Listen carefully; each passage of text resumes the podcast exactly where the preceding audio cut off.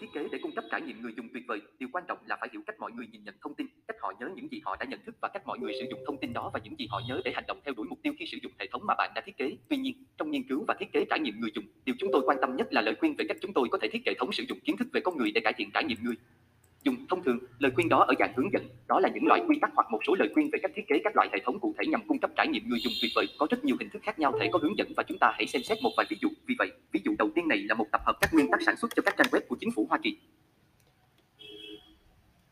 Chính phủ Hoa Kỳ tạo ra một số lượng lớn các trang web và nhiều người sản xuất chúng không nhất thiết phải nền tảng về trải nghiệm người dùng, nghiên cứu và thiết kế. Vì vậy, họ đã tạo ra bọng dẫn về các phương pháp hay nhất có thể được sử dụng trong việc thiết kế các trang web của chính phủ này. Vì vậy, hãy xem một số ví dụ về những định nguyên tắc này trông giống như vậy để chúng tôi có thể nhận được thức về loại lời khuyên đang được cung cấp. Hãy xem trong phần điều hướng. Chúng ta sẽ Xem xét phần 4, cung cấp phản hồi về vị trí của người dùng. Ở đây chúng ta có thể thấy rằng nguyên tắc đang được đề xuất là cung cấp phản hồi để cho người dùng biết họ đang ở đâu trên trang web. Ngay bên dưới đó, có thêm một chút thông tin về lý do tại sao chúng tôi sẽ làm điều đó và làm thế nào để tiếp tục thực hiện nó. Chúng ta cũng có thể xem những ví dụ điển hình về cách thực hiện điều này. Vì vậy, ví dụ, ở đây nó hiển thị một ví dụ về trang làm nổi bật tab mà người dùng đang truy cập, cho họ biết họ đang ở đâu và cũng sử dụng breadcrumb để hiển thị rằng nghiên cứu là một trang dưới và tổng quan nghiên cứu nằm dưới đó, vân vân và vân vân. Chúng ta có thể xem một số ví dụ khác về các kỹ thuật sử dụng để hiển thị cho mọi người vị trí của họ trong một trang web.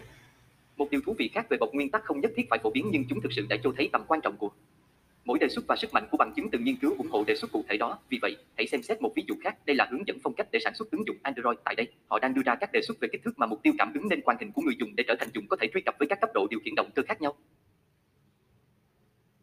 Họ đặc biệt khuyến nghị rằng kích thước vật lý của mục tiêu cảm ứng phải là không ít hơn 9 mm mỗi bên theo thứ tự đáp ứng những người dùng khác nhau với các khả năng khác nhau. Vì vậy, đây là hai ví dụ về các đề xuất và bạn có thể rằng bạn có thể sản xuất rất cụ thể, các khuyến nghị và hướng dẫn ở cấp độ rất thấp. Tuy nhiên, có một số hạn chế đối với những loại này nguyên tắc khiến chúng khó sử dụng trong các trường hợp chung. Vì vậy, một nhược điểm là các hướng dẫn như thế này rất cụ thể cho nền tảng, vì vậy sẽ rất khó để đưa ra các khuyến nghị bộ nguyên tắc usability.gov được thiết kế cho các trang web của chính phủ và áp dụng chúng cho các trang web thương mại điện tử. Chẳng hạn, hãy để một mình ứng dụng Android hoặc phần mềm Windows điều tương tự với các đề xuất Android. Chúng rất cụ thể để thiết kế các ứng dụng di động trên tảng Android và sẽ khó áp dụng chúng cho các loại tình huống khác.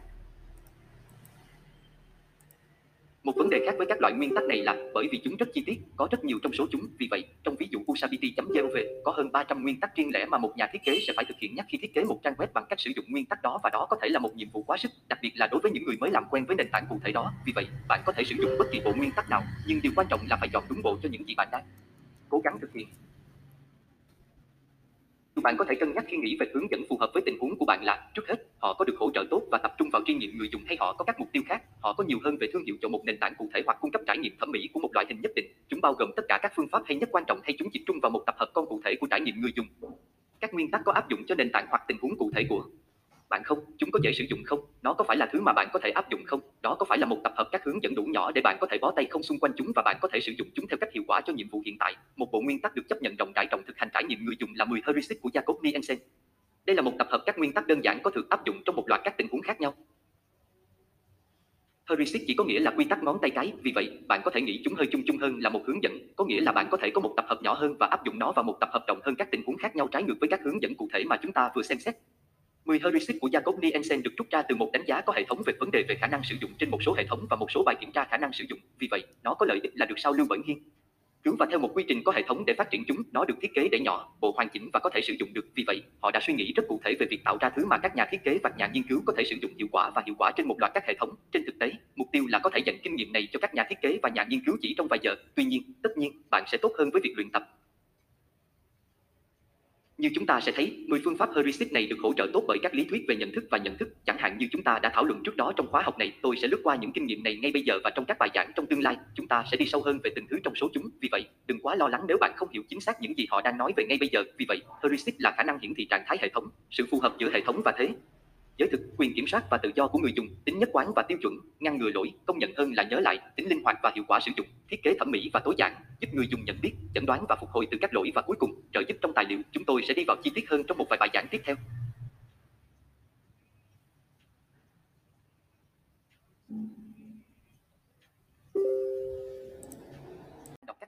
Ta cũng đang đọc các hình thức đánh máy, chúng tôi đang nhìn thấy các chữ cái và hình dạng và những thứ này truyền đạt điều gì đó cho chúng ta với tư cách là một người xem. Vì vậy, chúng ta hãy xem cách hoạt động của nó. Chủ yếu có hai thứ khác nhau đang được giao tiếp. Một mặt có một mức độ chức năng thực dụng với kiểu chữ, chúng ta có thể đọc nó, và mặt khác có một biểu cảm, khía cạnh liên quan đến kiểu chữ, nó là cho chúng ta cảm thấy như thế nào? Kiểm soát cả hai khía cạnh này của kiểu chữa đều tạo nên một nhà sách chữ giỏi, một mặt bạn kiểm soát mặt thực dụng của kiểu này mà thực sự là các đai ốc và bu lông, giúp mọi thứ hoạt động bình thường. Nếu bạn thích, đó là mặt kỹ thuật, nhưng mặt khác, bạn cũng kiểm soát được khía cạnh cảm xúc biểu đạt, nội hàm, cách cảm nhận của loại hình. Vì vậy, những người đánh máy giỏi có thể giải quyết cả hai điều này. Hãy chia nhỏ chúng và bắt đầu bằng cách xem xét chức năng hoặc ký hiệu. Hãy làm việc qua một ví dụ để bạn có thể thấy chức năng và quyết định và lựa chọn loại hiệu ứng ngữ dụng. Ví dụ, hãy tưởng tượng rằng chúng ta sẽ thiết kế một phần của loại bảo tàng.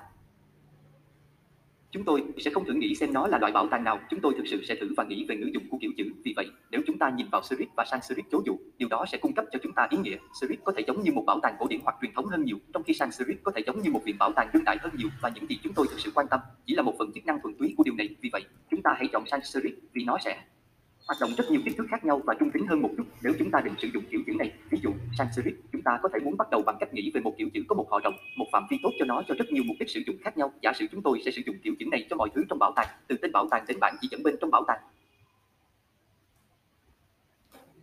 Đối với danh mục và ấn phẩm, áp phích và biểu ngữ, khá nhiều miền thứ mà bảo tàng làm, đó sẽ là một phần của bản sắc typographic của nó. Vì vậy, chúng tôi có thể sẽ cần một cái gì đó có phạm vi rộng. Vì vậy, một đại gia đình sẽ thực sự hữu ích. Vì vậy, ngay lập tức, điều đó sẽ giới hạn các lựa chọn loại của chúng tôi, hoặc nhất là thông báo cho các lựa chọn loại của chúng tôi. Vì vậy, ở đây, tôi đang xem Universe như sự lựa chọn của tôi cho bản sắc typographic của bảo tàng và điều tiếp theo có lẽ.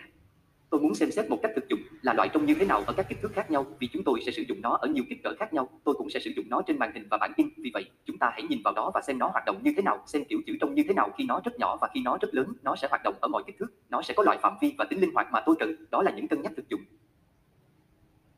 Sau khi tôi tìm thấy một số kiểu chữ có phạm vi vạch năng mà tôi cần, tôi có thể bắt đầu thực sự thu hẹp quyết định loại của mình và xem xét chi tiết hơn về loại kiểu chữ mà tôi sẽ chọn. Tôi có thể bắt đầu thu hẹp chúng và thực sự, thực sự kiểm tra chúng chặt chẽ hơn nhiều. Vì vậy, hãy xem xét hai kiểu chữ mà tôi có thể đã chọn cho dự án này.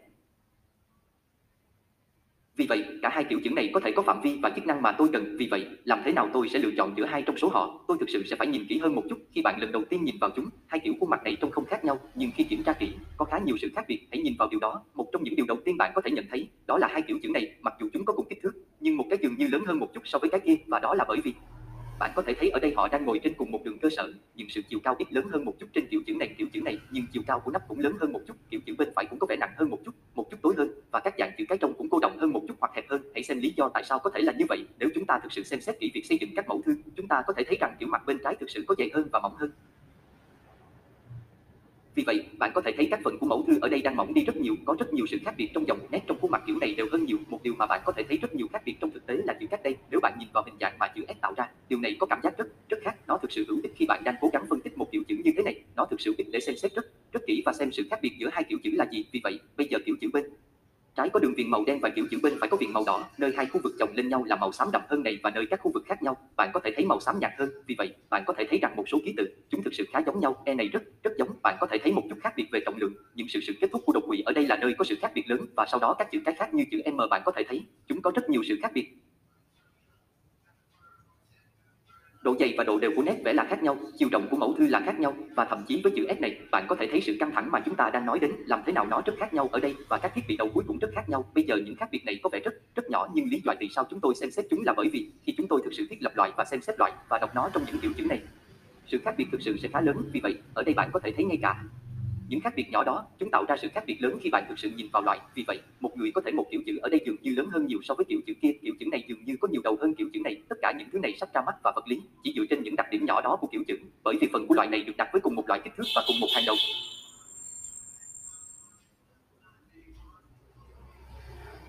Vì vậy, một trong những lý do tôi khiến bạn xem xét tất cả những điều này một cách chi tiết là để cố gắng và giúp bạn thực sự phân tích về kiểu chữ, để thực sự thấy tất cả sự khác biệt và sự hiểu cách kiểm soát và sử dụng chúng. Nếu kiểu chữ biểu thị liên quan đến chức năng, thực dụng, kỹ năng phân tích kiểu chữ, kỹ năng kỹ thuật nếu bạn thích, sau đó, nội hàm thực sự liên quan đến biểu cảm, cảm xúc, mặt của kiểu chữ.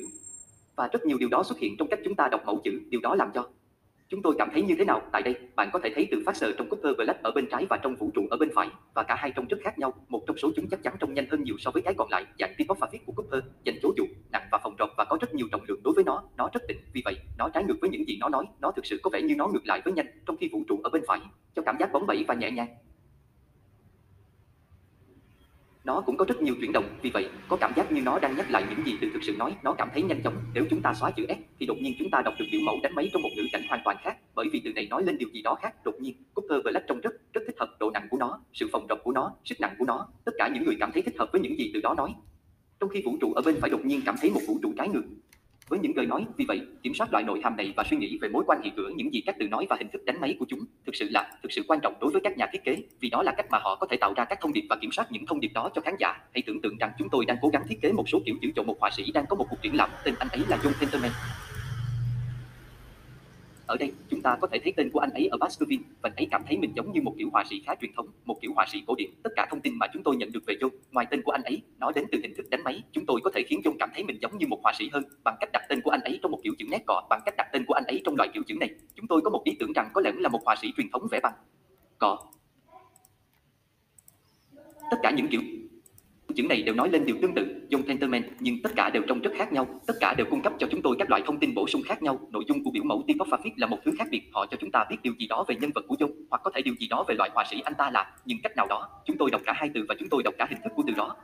Và với tư cách là một nhà thiết kế, bạn càng có thể kiểm soát những từ đó. Hình thức của những từ đó, bạn càng có thể giao tiếp tốt hơn và bạn càng có thể kiểm soát giao tiếp đó. Nội hàm của nghệ thuật đánh máy dựa trên thực tế là chúng ta đọc các từ, nhưng chúng ta cũng đọc hình thức. Phát video bắt đầu lúc 4, 16 và theo dõi bản ghi 4, 16. Vì vậy, chúng tôi đã thấy cách hàm nghĩa hoạt động với hình thức đánh máy, nhưng ta hãy xem xét một số động tác đánh máy khác mà chúng tôi có thể thực hiện cũng ảnh hưởng đến nội hàm. Phát video bắt đầu lúc 4, 24 và theo dõi bản ghi 4, 24. Đây là những gì chúng ta đã thấy trên màn hình, đây là từ kiến trúc và chúng tôi sẽ đọc điều này theo ba cách khác nhau hoặc nghĩ về ba loại khác nhau của kiến trúc hoàn toàn do sự lựa chọn kiểu chữ. Phát video bắt đầu lúc 4, 36 và theo dõi bản ghi 4, 36.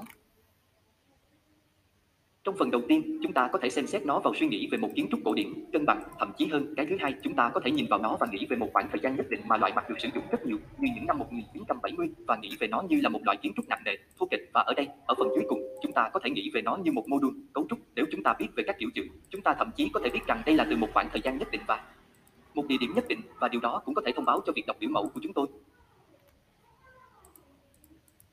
Phát video bắt đầu lúc 5, 6 và theo dõi bản ghi 5:06 vì vậy, chúng ta hãy loại bỏ các kiểu chữ mang nhiều ý nghĩa vậy thay thế chúng bằng một số kiểu chữ trung tính hơn nhiều. Vì vậy, ở đây chúng tôi có một tập hợp các script sans khá đơn giản. Tôi đã làm cho chúng trông khác biệt chỉ vì mục đích của bài tập này, nhưng chúng ta đột nhiên biết ít hơn rất nhiều về kiến trúc. Có lẽ chúng ta có thể nói một chút về trọng lượng, về độ cô động của nó và thể là chữ hoa hay chữ thường. Trong trường hợp này, viết hoa toàn bộ có thể khiến chúng ta liên tưởng đến một lần thể kiến trúc mạnh mẽ hơn chỉ là chữ thường, nhưng tất cả trong tất cả, chúng tôi thực sự đã xóa thông tin bằng cách xóa biểu mẫu đánh máy. Phát video bắt đầu lúc 5, 46 và theo dõi bản ghi 5, 46. Mặt khác, bạn có thể tranh luận về những gì chúng tôi thu được khi loại bỏ hình thức đánh máy là loại bỏ tiếng bản địa và có một kiểu chữ hiện đại, dễ đọc hơn. Phát video bắt đầu lúc 5, 57 và theo dõi bản ghi 5, 57. Vì vậy, nếu bản thân kiểu chữ sẽ không thực hiện công việc truyền đạt tính cụ thể, sau đó có thể một cái gì đó khác phải làm điều đó. Chúng tôi có nhiều công cụ khác với tư cách là nhà thiết kế. Chúng ta không cần chỉ đảm bảo rằng tất cả giọng nói của chúng ta đều được nghe qua kiểu chữ. Chúng ta có thể sử dụng quy mô và thành phần, và những điều này có thể ảnh hưởng đến cách chúng ta đọc kiểu chữ, theo cách tương tự như cách chúng ta đã sử dụng kiểu chữ trước đây. Ví dụ, ở đây chỉ cần thay đổi chữ T, viết hoa và để lại phần còn lại của viết thường có thể gợi ý một ý tưởng về nơi trú ẩn trong kiến trúc ở đây, một sự thay đổi đơn giản về quy mô có thể thực sự giới thiệu ý tưởng về xây dựng trong kiến trúc và điều tương tự với việc xếp chồng các mẫu thư ở đây, có thể gợi ý một số loại kiến trúc hoặc một loại kiên cố nhất định đối với kiến trúc. Phát video bắt đầu lúc 6 giờ 45 và theo dõi bản ghi 6 45 một nhà thiết kế bạn phải cẩn thận cách bạn sử dụng nội hàm. Đôi khi bạn có thể sử dụng nó để nó nói sai và sự bắt đầu có nghĩa là một cái gì đó bạn không muốn nó. Ví dụ, ở đây, chúng ta có thể xem nơi chỉ cần thay đổi khoảng cách giữa các chữ cái để thắt chặt lên các mẫu chữ cái ở đây, có thể tạo ra một kiểu kiến trúc có cảm giác không đồng đều và va chạm và không thoải mái và có thể không cảm thấy an toàn. Ở đây nó thậm chí có thể trông như thể kiến trúc đang sụp đổ và chúng tôi có thể không muốn có điều đó như một phần trong thiết kế của mình. Phát video bắt đầu lúc 7 giờ 15 và theo dõi bản ghi 7 15 Hãy làm những gì chúng tôi đã làm khi bắt đầu cuộc biểu tình này, giữ nguyên các kiểu chữ và thay đổi các từ. Điều đó cho phép chúng tôi thực sự thấy cách giao tiếp bằng kiểu chữ đang hoạt động, bởi vì ngữ cảnh chúng ta đọc nó đã thay đổi. Phát video bắt đầu lúc 7, 28 và theo dõi bản ghi 7, 28. Vì vậy, thay vì kiến trúc, chúng ta hãy nhìn vào áo tan cốt, bánh nướng nhỏ và potato. Phát video bắt đầu lúc 7 giờ 34 và theo dõi bản ghi 7, 34. Áo tan cốt của chúng tôi trông khá sang trọng, chiếc bánh của pake của chúng tôi trông khá mịn vàng và potato của chúng tôi, chúng trông khá chắc chắn và hoạt động tốt. Phát video bắt đầu lúc 7.44 và theo dõi bản ghi 7.44. Nếu chúng tôi loại bỏ một số nội dung về kiểu chữ hơn là chiếc xe tăng của chúng tôi, thì trông vẫn khá tốt, nó trông hiện đại và sạch sẽ và đầy đủ chức năng. Bánh nướng nhỏ của chúng tôi, chúng tôi có thể có một chút ý tưởng về cách chúng sẽ có hương vị và tone của chúng tôi, họ vẫn cảm thấy khá chắc chắn trong kiểu chữ đó trong lúc đó. Phát video bắt đầu lúc 8, 1 và theo dõi bản ghi 801. Các động tác tác đánh máy tương tự dường như hoạt động đối với kiến trúc dường như không hoạt động tốt cho những đối tượng này. Áo tan cốc của chúng tôi, chúng trông khá giống nhau. Bánh nướng nhỏ của chúng tôi, tôi thực sự không chắc họ đang làm gì hoặc tại sao chúng lại phát triển như vậy. Nhưng Forteton của chúng tôi, chúng vẫn cho cảm giác khá chắc chắn. Phát video bắt đầu lúc 8 giờ 20 và theo dõi bản ghi 8:20. Nếu chúng ta tiếp tục với vòng cuối cùng của các bước di chuyển kiểu chữ và áo tan tóc của chúng ta, bây giờ chúng có vẻ không vừa vặn lắm. Có lẽ chúng tôi không quá quan tâm đến những điều đó. Bánh nướng nhỏ của chúng tôi, giờ thì chúng có cảm giác giống như phần trên của một chiếc bánh kupake. Vì vậy, cảm giác như đó là một động thái có thể thực sự hiệu quả đối với loại nội dung này. Từ này và các công cụ điện của chúng tôi, chúng vẫn cho cảm giác khá chắc chắn và khá hữu ích. Phát video bắt đầu lúc 8 giờ 43 phút và theo dõi bản ghi 8 43. Vì vậy, những gì tôi đang cố gắng chứng minh ở đây là kiểu chữ có sức mạnh như thế nào trong mối quan hệ với từ nó thực sự có thể thay đổi ý nghĩa của các từ, ngữ cảnh của chúng, nội hàm của chúng và đó là thứ mà các nhà thiết kế thực sự có thể sử dụng như một tài sản. Nếu bạn có thể kiểm soát giao tiếp kiểu chữ đó, bạn thực sự có thể kiểm soát thông điệp mà bạn muốn cung cấp cho khán giả của mình.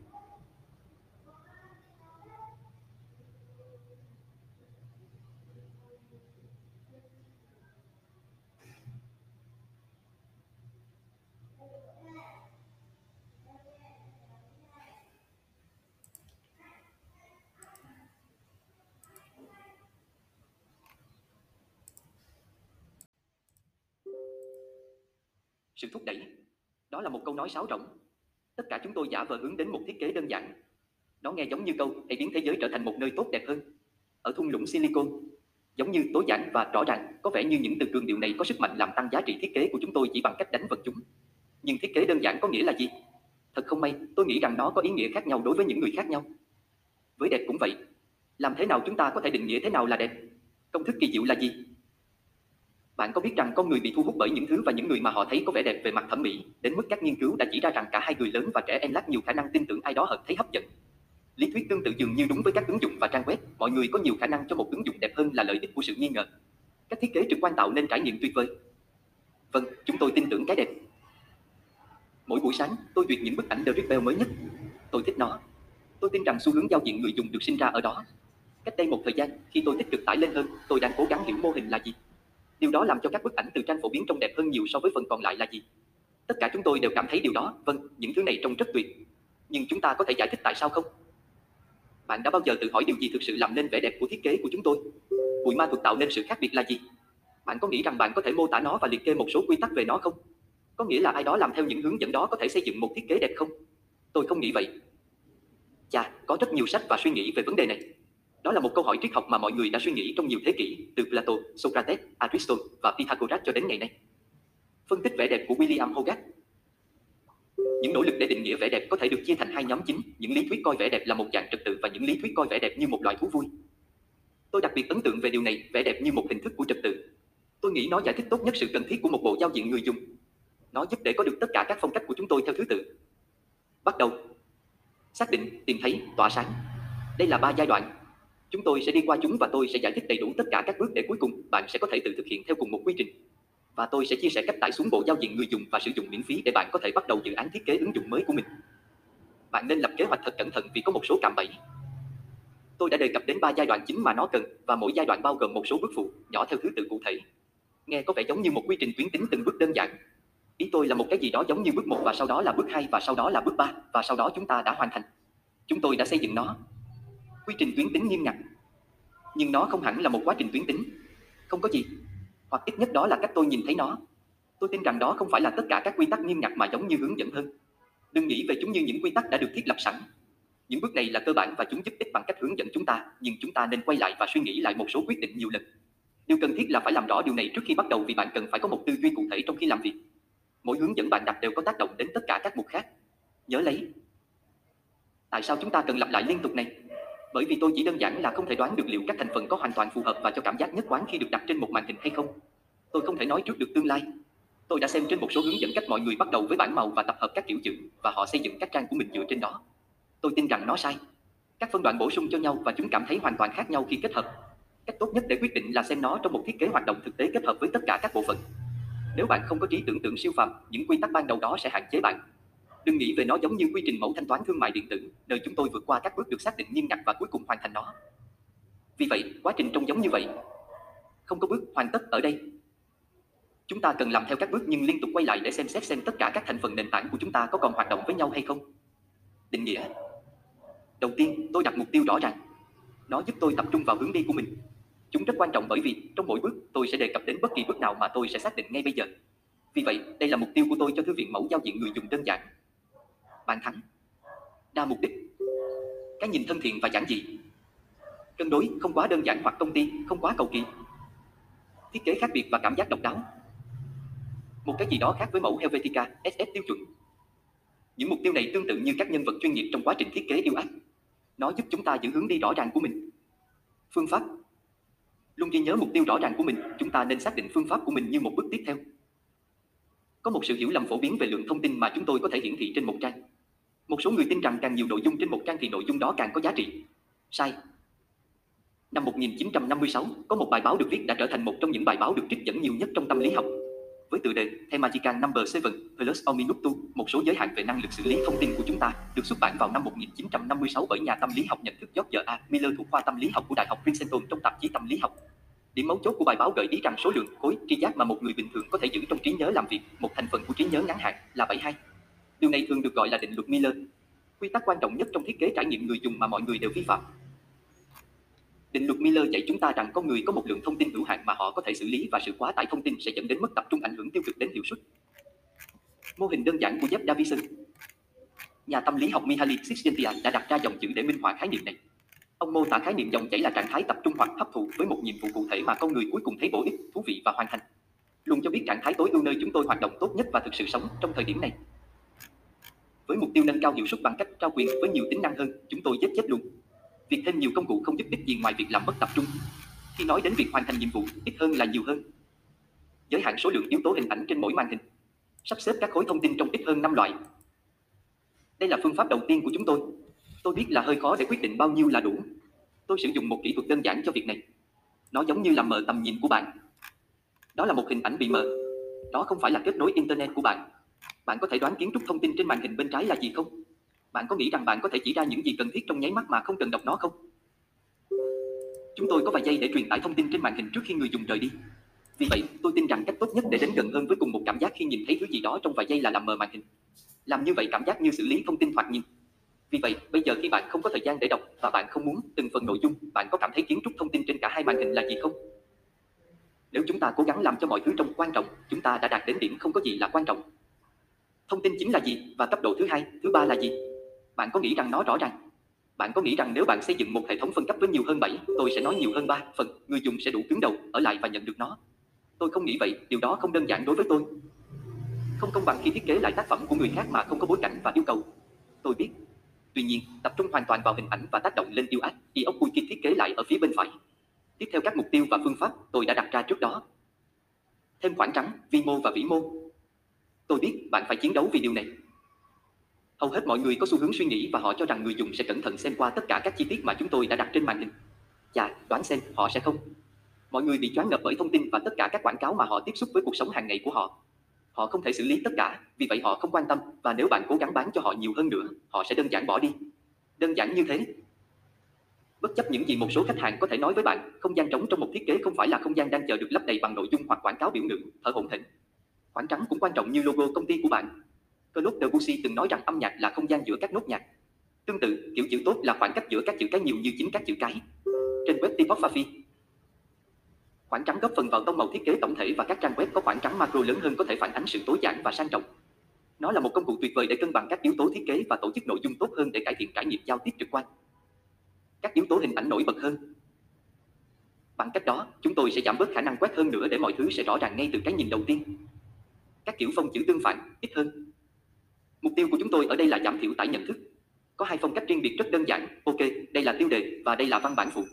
Chúng tôi thậm chí không nghĩ về nó, chúng tôi ngay lập tức nhận được nó. Nhưng sau đó, hãy so sánh nó với các trang điều khoản và điều kiện chẳng hạn bằng cách nhìn thấy hơn 6 kiểu văn bản hơi khác nhau, bạn đã biết rằng mình sẽ không bao giờ đọc những thứ đó. Không bằng phẳng. Thành thật mà nói, tôi chưa bao giờ thích thiết kế phẳng. Tôi nghĩ nó hy sinh sự rõ ràng để theo xu hướng hình ảnh. Tuân thủ nghiêm ngặt thiết kế phẳng đơn giản vì mục đích hợp thời trang và tối giản để lại nhiều manh mối quan trọng về mặt hình ảnh các manh mối cho mọi người biết nơi họ có thể nhấp vào, nơi họ có thể truy cập trong một giao diện. Đối với tôi, giao diện cũ 2013 dễ dàng hơn nhiều so với thiết kế lại năm 2015. Theo tôi, các trường văn bản đầu vào là ví dụ điển hình nhất về lỗi thiết kế phẳng. Bạn có nhớ khoảng 5 năm trước, khi tất cả các trang web, chúng ta nhìn thấy những trường đột quỵ đó. Vì một lý do chính đáng, nhóm Google đã thiết kế lại chúng. Nguyên tắc thiết kế Material Design của Google. Hai kiểu trường văn bản mới có vẻ tốt hơn đối với tôi. Bạn không thể đính kèm một đoạn thông tin đầu vào cụ thể vào một nét vẽ. Làm cách nào để người dùng có thể phân biệt được nhãn hoặc dữ liệu đầu vào thuộc về trường nào? Ngay cả từ ngữ cũng nói lên điều đó. Nó được cho là một cánh đồng nhưng không phải là một nét vẽ. Sự khác biệt duy nhất giữa các trường đầu vào chiều rộng và chiều cao và lựa chọn tỷ lệ là hình chữ V nhỏ ở góc xa bên phải. Nó thậm chí còn tồi tệ hơn nếu bạn tưởng tượng cách tiếp cận này trên một giao diện bận rộn như trên bất kỳ sản phẩm Adobe nào chẳng hạn. Nó có giống như một sự cải tiến không? Tôi sẽ đi đến một cách tiếp cận cân bằng hơn thay vì đi theo phương pháp đa hình hoặc tân cấu trúc cấp tiến mới như cách họ gọi trên Drupal. Hãy chơi an toàn ở đây và đừng thử một số kiểu cách mạng giao diện người dùng mà chỉ cần chỉnh sửa nó một chút. Giữ nó nhất quán. Nhất quán, tôi sẽ cố gắng đi quá xa ở đây. Theo tôi, không có gì được đền đáp bằng việc đào sâu hơn vào tính nhất quán. Tôi tin rằng đây là câu thần chú cho một giao diện trực quan hấp dẫn. Chúng ta nên chú ý đến từng chi tiết nhỏ trong từng công đoạn, từng bước và đảm bảo tất cả các hạng mục kết hợp và khớp với nhau để phục vụ cùng một mục đích. Hãy coi những việc đó như những nguyên tử xây dựng giao diện người dùng của chúng ta. Để tạo ra thứ gì đó độc đáo và chân thực nhưng vẫn tuân theo tất cả các mẫu chung, chúng ta nên chạm vào các thuộc tính phụ trong lưới, biểu tượng, màu sắc, kết cấu, kiểu chữ, bóng và hình dạng và khi tất cả được kết hợp, thay đổi sẽ ẩn nhưng tổng thể sẽ nổi bật. Công cụ Trước khi bắt đầu, chúng ta nên biết phạm vi thiết bị mà giao diện sẽ hoạt động. Đó là Android hay iOS hay phải linh hoạt, hoặc chúng tôi sẽ tạo một phiên bản cho từng thiết bị. Tôi khuyên bạn nên làm cho các thành phần của mình linh hoạt để bạn có thể dễ dàng thay đổi kích thước chúng. Trong trường hợp này, tôi sẽ tạo một phiên bản cho iPhone 12 Pro. Tôi sẽ sử dụng ứng dụng Sketch, nhưng tôi nghĩ các nguyên tắc ít nhiều giống trong Figma. Bạn có thể tìm thấy rất nhiều hướng dẫn về cách tổ chức các biểu tượng và tạo thư viện cho các công cụ đó. Vì vậy tôi sẽ hướng dẫn thêm về phương pháp tiếp cận khái niệm về cách chúng tôi kết nối từng phần để xây dựng hệ thống thiết kế và phát triển giao diện trực quan cụ thể của chúng tôi. Tìm. Điều quan trọng cần lưu ý là tôi sẽ bắt đầu với không có màu sắc. Màu sắc mạnh mẽ đến mức chúng thao túng không chỉ người dùng mà còn chính các nhà thiết kế. Hoặc ít nhất là tôi. Chúng khiến tôi phân tâm và tôi không thể nhìn thấy một số vấn đề ở cấp độ rất cơ bản. Vì vậy, tôi thực sự khuyên bạn hãy bắt đầu với càng ít màu càng tốt, chẳng hạn như màu xám trung tính, chung chung. Tôi không thể thiết lập lưới, kiểu chữ và thiết kế màn hình cơ sở một cách chặt chẽ, từng bước, bởi vì tất cả chúng đều được kết nối với nhau. Cái lưới sắt Nó là nền tảng cho sự nhất quán và kiểu chữ, vì vậy tôi tin rằng chúng ta nên bắt đầu với nó. Tôi đã tải xuống tệp iOS từ apple.com để sử dụng các nguyên tắc thiết kế của con người và đảm bảo bộ phụ kiện phù hợp với chúng. Tôi phải thừa nhận rằng tôi là một fanboy của Apple, không có gì phải bàn cãi, nhưng về hướng dẫn xác định, tôi nghĩ rằng hướng dẫn thiết kế Material Design của Android chi tiết hơn nhiều, và vâng, chúng tốt hơn. Thật không may, Apple không sử dụng một mạng lưới nghiêm ngặt cho các thiết bị của họ, vì vậy tôi đã tạo ra lưới của riêng mình từ đầu. Khi bố cục lưới trở nên quá phổ biến trong thiết kế web vài năm trước, không phổ biến nhất là lưới 960 pixel và nội dung được chia thành 12 cột. Sau đó, khi chúng tôi chuyển sang thiết bị di động, tôi đã thử với cách tiếp cận đậm tương tự, nhưng nó không hiệu quả vì chúng tôi có ít không gian hơn đáng kể và những loại đơn vị in đậm đó làm giảm tùy chọn của chúng tôi, vì vậy chúng tôi cần các cột hẹp hơn. Tôi vẫn cố gắng giữ một số bố cục lưới đậm nét hơn cho các mẫu nền tảng, nhưng chúng tôi cần một lưới mịn hơn với các gia số nhỏ hơn, như khoảng cách giữa nút hành động và nhãn của nó trên thanh điều hướng. Trong trường hợp này, khoảng cách 15 pt là quá nhiều, vì vậy tôi sẽ sử dụng 5 pt để thay thế. Tôi đã đề cập đến những sự đánh đổi đó ở bên dưới. Chiều rộng của màn hình iPhone 12 Pro là 390 pt, vì vậy tôi sẽ chia nó thành 26 cột có chiều rộng 15 pt. iPhone 12 Pro 26 cột 15 pt mỗi. Chiều cao là 844 pt. Theo thiết kế của con người iOS, chỉ báo nhà chiếm 34 pt. Tôi đi đến điều hướng dưới cùng, cao 83 pt trong hướng dẫn của iOS, vì vậy tôi sẽ cố gắng giữ nó gần. Sau đó, tôi di chuyển đến thanh trên cùng. Chúng tôi cần nhiều hơn một loại tiêu đề tiêu chuẩn. Chiều cao thanh trạng thái là 44 pt, Bước tiếp theo là thiết lập không gian cho các nút ở hai bên và tiêu đề ở giữa. Lưới ngang. Bạn nên thử và chơi với nó cho đến khi nó hoạt động. Cuối cùng, những gì chúng ta cần là nhịp điệu cơ bản nhất quán, kiểu chữ, lưới, biểu tượng và các nguyên tắc của Apple. Tất cả chúng phải phù hợp. Sau khi xác định chiều cao của tất cả các thanh trên cùng, chúng ta có thể đặt lưới dọc của mình thành 5 TT. Vâng tôi biết. Điều quan trọng cần đề cập là đây không phải là cách tiếp cận tốt nhất bởi vì trong mã ít bạn không đặt các kích thước này bằng pixel, nhưng đây là cách nó hoạt động trong Sketch và Figma. Bất chấp tuyên bố từ chối trách nhiệm, cách duy nhất của chúng tôi để cấu trúc thiết kế là sử dụng pixel, điểm, kiểu chữ. Tôi lưu ý đến thiết kế con người của iOS, nhưng tôi cố gắng làm cho tất cả chúng tương thích với lưới nhịp cơ bản 5 tt dọc. Tôi luôn bắt đầu với phần nội dung được áp dụng nhiều nhất và tôi sử dụng nó để thiết lập nhịp điều dọc. Sự khác biệt đáng chú ý nhất so với giao diện người dùng tiêu chuẩn là văn bản nội dung đậm hơn và chiều cao dòng lớn, khoảng trắng nhỏ. Cách tiếp cận này sẽ giúp tăng cường vẻ ngoài cuối cùng đặc biệt của nó. Để đạt được mục tiêu thân thiện và bình thường, tôi sẽ tránh tầm nhìn vuông phẳng và áp dụng các góc tròn độc đáo. Vì vậy, để phù hợp với hình thức này, tôi chọn ff viên cao đợt rồi. Nó thật đẹp. Tôi thích nó. Và tôi sẽ cho bạn thấy nó sẽ khớp với hình dạng của các biểu tượng của chúng ta như thế nào.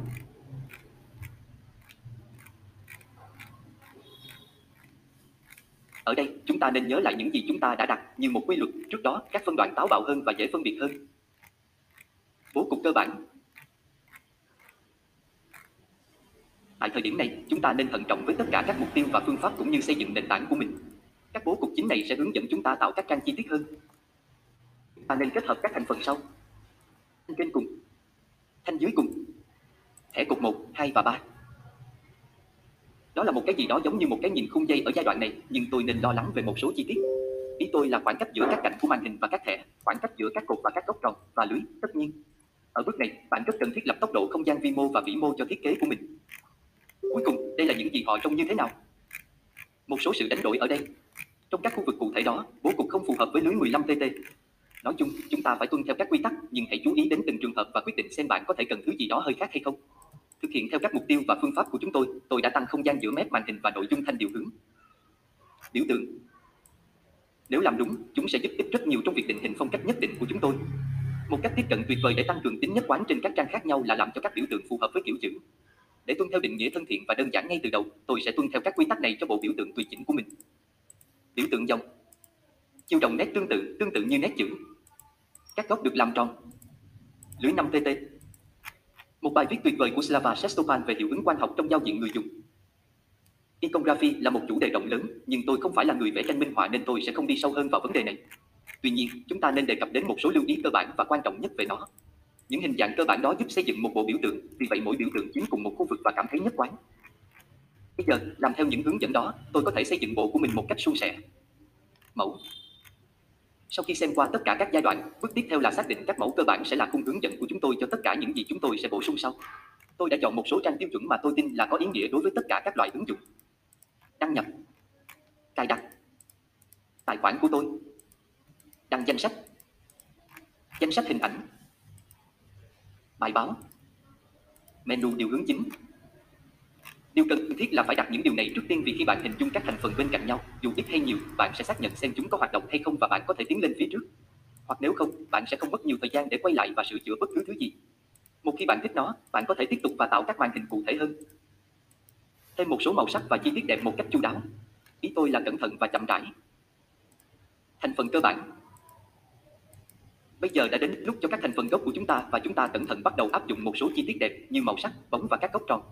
Tôi sẽ lưu ý thêm về nó sau khi chúng ta tìm hiểu sâu hơn về các chi tiết nhỏ. Vì vậy, đây là tất cả các thành phần cần thiết.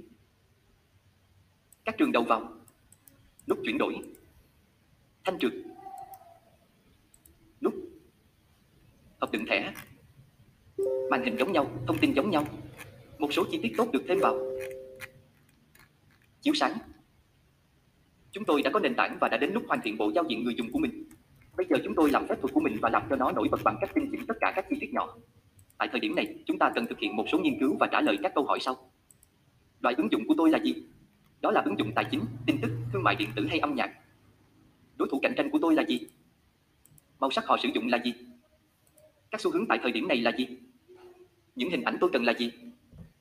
Tôi có nên áp dụng bất kỳ kết cấu? Tôi cần loại hình minh họa nào? Giọng nói tổng thể mà tôi đang hướng tới là gì? Nghiên cứu. Làm việc trên nó, tôi không có mục tiêu tạo ra một ứng dụng cụ thể hay một cái gì đó. Mục tiêu của tôi là xây dựng một thư viện thiết kế chung, vì vậy tôi chỉ chọn các danh mục ứng dụng phổ biến nhất và tôi cố gắng theo dõi một số xu hướng Drupal mới nhất cho phong cách trực quan. Thông thường, khi bạn chuyển sang tạo ứng dụng chủ đề cụ thể, bạn sẽ cần nghĩ đến các thành phần tiêu chuẩn. Bây giờ bạn có thể cần phải lặp lại các bước chúng tôi đã làm trước đây với các phân đoạn chính và các mẫu cơ bản. Theo tôi, đây là những chủ đề phổ biến nhất. Dựa trên những chủ đề này, tôi đã chọn những màn hình cơ bản mà tôi cần màn hình máy nghe nhạc, danh sách tài sản tài chính, phòng trưng bày, màn hình hồ sơ, trò chuyện, các bước thanh toán, các thành phần, đăng nhập mã pin, các thành phần của trình phát nhạc, thẻ biểu đồ tài sản, biểu đồ, thanh toán thẻ mục, lịch, màu sắc. Tôi là một fan hâm mộ lớn của các thùng chứa màu trắng trên nền xám nhạt và tôi đặt nó làm nền màn hình thùng chứa chính. Đối với màu nhấn, tôi áp dụng một trong những màu yêu thích của tôi từ The Rebel. Nhưng một số ví dụ này, chúng đã hơi cũ, nhưng tôi nghĩ chúng vẫn hoạt động. Màu ultraman, màu chàm tối kết hợp với màu xanh nước biển, lục lam sống động và tươi sáng thực sự là đặc biệt. Tôi thích nó. Tôi thường xem qua các nhà thiết kế The Rebel yêu thích của mình và nhanh chóng chọn những bức ảnh đẹp nhất cho một bản tâm trạng đơn giản. Scovette, Cloud Security, 3G Arcade, iOS, 2017 Video Key Poster, 10 Cloud ebook, Song Lyric App Vida, C Homepage Header Exploration, GOM, SMM Agency Website. Nếu bạn đang làm việc trên một ứng dụng cho một thương hiệu cụ thể, bây giờ là lúc để áp dụng màu sắc thương hiệu của họ. Sau khi làm điều đó, bạn có thể dễ dàng so sánh bất kỳ màu bổ sung nào mà bạn sắp thêm và xem nó có phù hợp với màu thương hiệu hay không. Chúng tôi cũng cần các loại màu tiêu chuẩn xanh, đỏ và cam cho các thông điệp của mình. Tôi đã sử dụng màu đen kể từ khi bắt đầu, nhưng đây là thời điểm thích hợp tôi nên lưu ý điều gì đó về nó. Bạn nên nhớ, theo quy luật, màu đen 100% không bao giờ là một ý kiến hay. Có một số bài báo thú vị về chủ đề đó, nhưng giả sử rằng văn bản màu đen tuyệt trên nền trắng không giúp ích gì cho việc đọc. Trên nguyên tắc thiết kế Material Design của Android, họ đề xuất sử dụng màu đen có độ mờ 87% làm màu văn bản chính, nhưng trong trường hợp của tôi, đó là 86% 262.626. Nó nhẹ hơn một chút và nó bổ sung cho hình thức hệ thống thiết kế cụ thể của chúng tôi.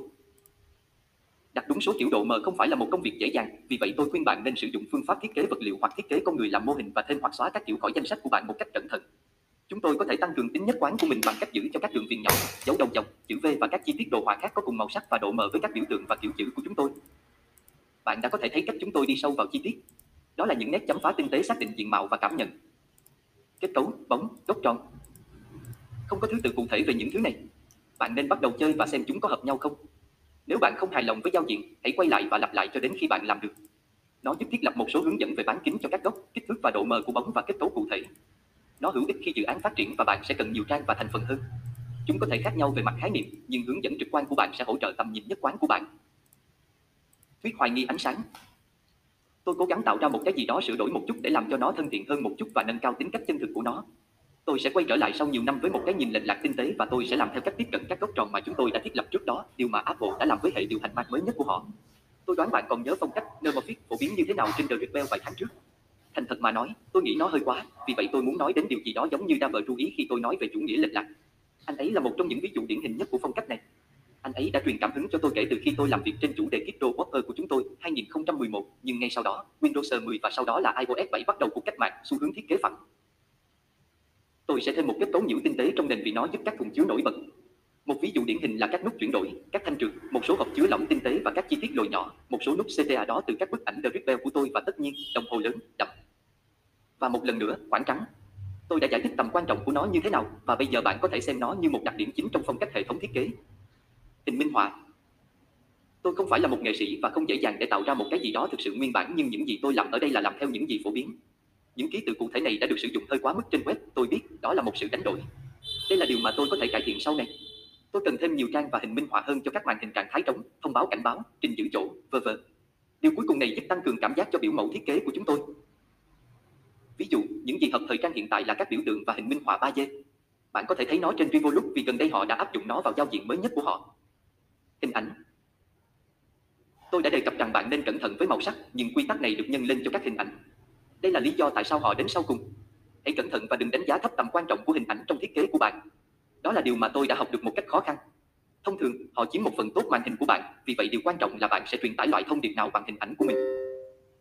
Trong trường hợp của tôi, tôi không làm việc trên một ứng dụng hoặc một thị trường ngách cụ thể và tôi sẽ sử dụng một số hình ảnh rất tươi sáng và đầy màu sắc để bám sát phong cách The Ripper.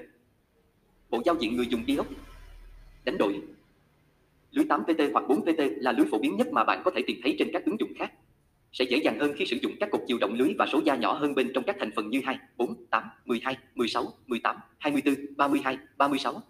Trong trường hợp của tôi, đó là 5 pixel và đó là một trang buộc.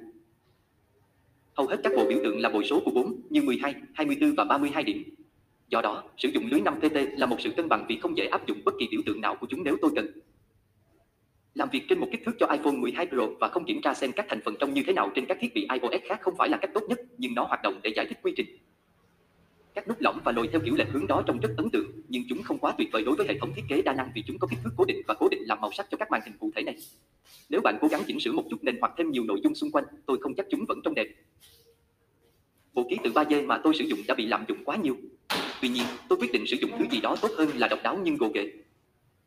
Tôi đã đề cập đến hệ thống thiết kế thay vì bộ giao diện người dùng, nhưng nó có nghĩa là một thứ gì đó rộng rãi và chi tiết hơn, và nó yêu cầu nhiều người hơn tham gia vào việc thiết lập các hướng dẫn.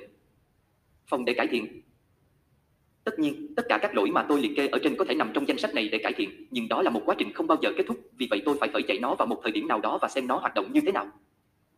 Tôi có thể thêm chi tiết về loại hình ảnh thích hợp nhất. Tôi bỏ lỡ một bộ hình minh họa đẹp cho màn hình giới thiệu, màn hình danh sách trống, các bước đăng ký, thành công, cảnh báo, trạng thái lỗi, v.v. Nếu tôi áp dụng bản màu và các hướng dẫn giống như tôi đã sử dụng để xây dựng biểu tượng và kiểu chữ, nó sẽ cảm thấy tốt hơn. Tôi nên thử cách nó hoạt động với nhiều kiểu chữ hơn. Các biểu tượng trong bộ không bao giờ là đủ. Tôi cần thêm chúng. Từ cuối cùng, có một hướng dẫn phong cách được tổ chức tốt sẽ không chỉ tiết kiệm rất nhiều thời gian mà còn giúp bạn cập nhật nhất quán và hiệu quả bất kỳ thành phần thiết kế nào của mình trên nhiều trang. Sau khi hoàn thành quy trình này, bạn chỉ có thể điều chỉnh một chút một số phân đoạn cốt lõi và bạn sẽ tạo ra một tầm nhìn hoàn toàn độc lập mà không cần bắt đầu từ đầu. Được rồi, chúng ta đã hoàn tất. Đây là quy trình của tôi trông như thế nào và như một suy nghĩ cuối cùng, tôi xin nói rằng hãy làm theo các hướng dẫn bạn đã từng đặt để giữ cho thiết kế của bạn hài hòa nhưng hãy nhớ rằng chúng không phải là luật khắc trong đá. Hoàn toàn miễn phí để tải xuống tệp cho bộ giao diện người dùng mà tôi vừa tạo bằng cách nhấp vào liên kết bên dưới và sử dụng nó như bạn muốn. Đi và khám phá chi tiết mọi thứ tôi đã giải thích. Trong cuốn sách của Don Norman, thiết kế cảm xúc, tại sao chúng ta yêu hoặc ghét những điều hàng ngày. Norman mô tả một nghiên cứu trong đó ông phát hiện ra mức độ thẩm mỹ của A hệ thống ảnh hưởng đến nhận thức sau sử dụng về cả tính thẩm mỹ và khả năng sử dụng, trong khi mức độ khả dụng thực tế không có ảnh hưởng như vậy. Nói cách khác, thiết kế trực quan có ảnh hưởng nhiều đến trải nghiệm tổng thể cũng như khả năng sử dụng thực tế. Nghe có vẻ không đúng, ý tưởng rằng thiết kế trực quan có thể quan trọng bằng hoặc quan trọng hơn khả năng sử dụng. Nhưng nó sẽ không làm chúng ta ngạc nhiên. Con người bị thu hút bởi những thứ và những người mà họ thấy có vẻ đẹp thẩm mỹ, đến mức các nghiên cứu đã chỉ ra rằng cả người lớn và trẻ em đều có xu hướng tin tưởng người mà họ thấy hấp dẫn hơn. Lý thuyết tương tự dường như đúng với các ứng dụng và trang web, mọi người có nhiều khả năng cung cấp cho một ứng dụng hấp dẫn lợi ích của sự nghi ngờ. Trong bài viết này, chúng ta sẽ xem xét lý do tại sao mọi người thích giao diện hấp dẫn. Nó nói gì về chúng ta với tư cách là con người và cách chúng ta với tư cách là những người thực hành yêu ác có thể sử dụng kiến thức này để tạo ra trải nghiệm người dùng tốt hơn. Sức hút là gì? Trước khi chúng ta thảo luận về tính thẩm mỹ trong yêu ác, có một câu hỏi chúng ta cần trả lời.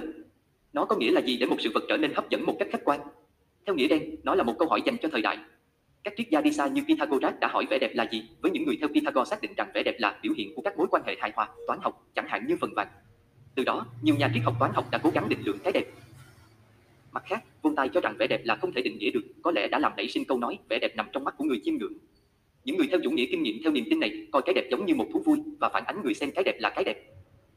Có những nhà khoa học tin rằng những thứ chúng ta thấy đẹp về mặt thẩm mỹ là những thứ có lợi cho sức khỏe nhất đối với chúng ta. Vì vậy, bệnh tật khiến mọi người trông kém hấp dẫn và những thứ như quả mọng tốt cho chúng ta cũng là thứ mà chúng ta thấy dễ chịu về mặt thị giác. Có những lỗ hổng đáng kể trong lý thuyết đó, chỉ cần nghĩ về những con ếch độc đẹp nhưng có thể có giá trị trong đó. Ngoài ra, một số người cho rằng vẻ đẹp đến từ thái độ xã hội và văn hóa. Hãy xem xét một thực tế rằng ở Hoa Kỳ, hầu hết trẻ em xem phim của Disney khi còn nhỏ cũng có ý tưởng rằng phù thủy và kẻ bất lương là xấu xí, còn anh hùng và nữ anh hùng thì đẹp đẽ, nhưng nó còn đi sâu hơn thế. Rất nhiều mặt hàng thời trang, xu hướng tóc trên khuôn mặt, thậm chí cả hình dáng cơ thể được cho là hấp dẫn hiện nay bị ảnh hưởng nặng nề bởi các phương tiện truyền thông xung quanh chúng ta hàng ngày. Trong 10 năm nữa, những xu hướng tương tự đó sẽ có vẻ đáng xấu hổ hoặc đáng buồn. Khi thái độ văn hóa thay đổi, văn hóa đó định nghĩa cái đẹp như thế nào? Hãy dịch điều đó sang thiết kế yêu ái. Có thể có một số tương tác hoặc yếu tố trang web nhất định mà chúng tôi cảm thấy hấp dẫn bởi vì chúng tôi liên tiếp chúng với khả năng sử dụng. Đồng thời, có những xu hướng web và nội dung trực quan hiện có vẻ hấp dẫn, nhưng sẽ không giữ được sức hút như vậy trong vài tháng hoặc vài năm. Ví dụ, có một thời gian mà truyện tranh Sans là phong chữ được lựa chọn và các trang flash là biểu tượng của một trang web được thiết kế tốt. Thiết kế trực quan trong yêu áp. Với sự hiểu biết rằng không có thẩm mỹ nào là đẹp hoàn hảo, giờ đây chúng ta có thể đi sâu vào vai trò của thiết kế hình ảnh trong yêu áp. Rốt cuộc, nó không chỉ đơn thuần là làm cho mọi thứ trở nên đẹp đẽ, Usability.gov định nghĩa thiết kế trực quan là triển khai hình ảnh, màu sắc, phông chữ và các yếu tố khác một cách có chiến lược nhằm nâng cao thiết kế hoặc tương tác và thu hút người dùng. Thiết kế trực quan khác với thiết kế tương tác. Thiết kế tương tác tập trung vào chức năng cần thiết để hoàn thành nhiệm vụ. Thiết kế trực quan thu hút người dùng bằng cách thu hút ánh nhìn đến đúng chức năng, sắp xếp thứ tự ưu tiên các tác vụ trên trang thông qua kích thước, màu sắc, sử dụng khoảng trắng và thậm chí tăng độ tin tưởng thương hiệu thông qua việc sử dụng các dấu hiệu trực quan. Theo một cách nào đó, thiết kế trực quan có thể được coi là sự pha trộn giữa thiết kế đồ họa và thiết kế trải nghiệm người dùng với cảnh báo rằng những lĩnh vực này không ngừng phát triển, công bằng mà nói rằng thiết kế đồ họa thường là thiết kế các hình ảnh tĩnh hoặc hình ảnh trực quan. Thiết kế trải nghiệm người dùng kết hợp thiết kế tương tác và thiết kế giao diện người dùng, do đó tập trung vào giao tiếp. Thiết kế trực quan nằm ngay chính giữa, kết hợp hình ảnh tĩnh và hình ảnh trực quan với mục đích cải thiện khả năng giao tiếp và khả năng sử dụng. Thiết kế trực quan thực sự có thể tạo ra sự khác biệt rất lớn trong cách người dùng nhìn màn hình, ý định chơi chữ. Thậm chí, có thể người dùng đã mong đợi nhiều hơn từ những màn hình hấp dẫn trực quan, chức năng tốt hơn, khả dụng hơn và con người hơn. Sự tương quan, Luke Burolesi, giám đốc sản phẩm tại Google, đã dành nhiều năm khám phá mối tương quan giữa thiết kế trực quan và hành động của người dùng. Trong bài thuyết trình năm 2008 của mình, giao tiếp với hệ thống phân cấp trực quan, anh ấy giải thích vai trò của thiết kế trực quan trong tiêu ác. Ông nói rằng hệ thống phân cấp trực quan hoặc vị trí chúng ta đặt các mục trên màn hình và cách chúng ta kêu gọi sự chú ý đến chúng, giúp chúng ta truyền đạt thông điệp, chiếu sáng các hành động và tổ chức thông tin. Anh ấy tiếp tục chia sẻ nhiều mẹo và đề xuất, tất cả đều được thiết kế để khuyến khích các nhà thiết kế xem xét vị trí và cách họ hiển thị thông tin. hệ thống phân cấp trực quan hấp dẫn cũng là một hệ thống có thể sử dụng được. Tuy nhiên, 7 năm sau, vẫn còn rất ít người nói về tầm quan trọng của thiết kế trực quan trong công việc trải nghiệm người dùng. Tại Stacketchan, cuộc trò chuyện tiếp tục. Trường hợp một người dùng chỉ ra một người thực sự cần nghiên cứu để chỉ ra rằng giao diện của giao diện người dùng tất nhiên sẽ ảnh hưởng đến trải nghiệm. Cuối cùng, con người đánh giá sách qua bìa của chúng. Tuy nhiên, một người khác nhắc chúng tôi rằng nếu thiết kế trực quan là vấn đề thì bạn giải thích thế nào về sự thành công đáng kinh ngạc của các sản phẩm đáng kinh ngạc của Microsoft? Tôi đã sử dụng Outlook được gần 20 năm và đối với tôi, dường như nó không bao giờ giống nhau hai lần. Không, tôi không phải là một tên ngốc. Và nó luôn có thị phần cao. Điều đó có nghĩa là gì? Có phải vẻ đẹp trong mắt người xem và một số người dùng thấy Microsoft thật đẹp? Hay rốt cuộc thiết kế trực quan là một thứ đẹp để nên có và không phải là một bàn cược như Luke Budolesi đã định nghĩa về nó? Một người dùng Stacketchan dường như đạt được sự cân bằng, thiết kế trực quan ảnh hưởng đến một hoặc nhiều khía cạnh của trải nghiệm người dùng tổng thể. Nó có thể không nhất thiết phải là phần quan trọng nhất trong bối cảnh giúp người dùng đạt được mục tiêu của họ, nhưng nó chắc chắn gắn liền với nhận thức của người dùng. Tất nhiên, anh ấy nói thêm thiết kế hình ảnh tốt, xấu có thực sự ảnh hưởng đến trải nghiệm người dùng không? Và tôi nghĩ bạn sẽ đồng ý rằng câu trả lời là có, nhưng theo cách nào? Đó là câu hỏi 64,000. Thật hợp lý khi giả định rằng một trang web hấp dẫn về mặt hình ảnh nhận được lợi thế tương tự như một người ăn mặc đẹp tại một cuộc phỏng vấn, lợi ích của sự nghi ngờ. Khi người dùng đến một trang web không hấp dẫn, nếu họ có trải nghiệm tốt, họ vẫn sẽ hài lòng. Tuy nhiên, nếu gặp trục trặc với một trang web không hấp dẫn, người dùng có nhiều khả năng từ bỏ nhanh chóng. Khi trang web hấp dẫn, cho dù theo cách cổ điển hay hiện tại, người dùng vốn đã tin tưởng nó nhiều hơn và sẵn sàng cho nó cơ hội thứ hai. Ý nghĩa của nó đối với các nhà thiết kế yêu ác